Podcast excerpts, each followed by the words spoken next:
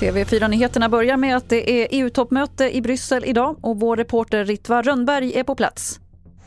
Jag tror att eh, Antonio Guterres, FN-chefens ankomst hit och, och, och, det faktum att man inleder med lunch och diskussioner med honom, det kommer att sätta lite grann av dagordningen idag. Ukraina en diskussion varje gång och för åttonde gången så har man med Zelensky den här gången då via videolänk. Det var skottlossning i natt i Strängnäs i Södermanland. Larmet kom in vid tretiden och på plats hittade polisen spår som tyder på att skott avlossats mot en bostad. Det var bland annat hål i ett fönster. Det fanns personer i bostaden men ingen ska ha skadats. Flygbolaget Finnair får hård kritik efter att ha anställt personal utifrån vilken storlek de hade på sina bröst.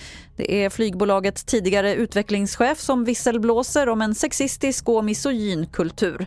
Och flera andra tidigare anställda vittnar om liknande missförhållanden. Fler nyheter finns på tv4.se. Jag heter Lotta Wall.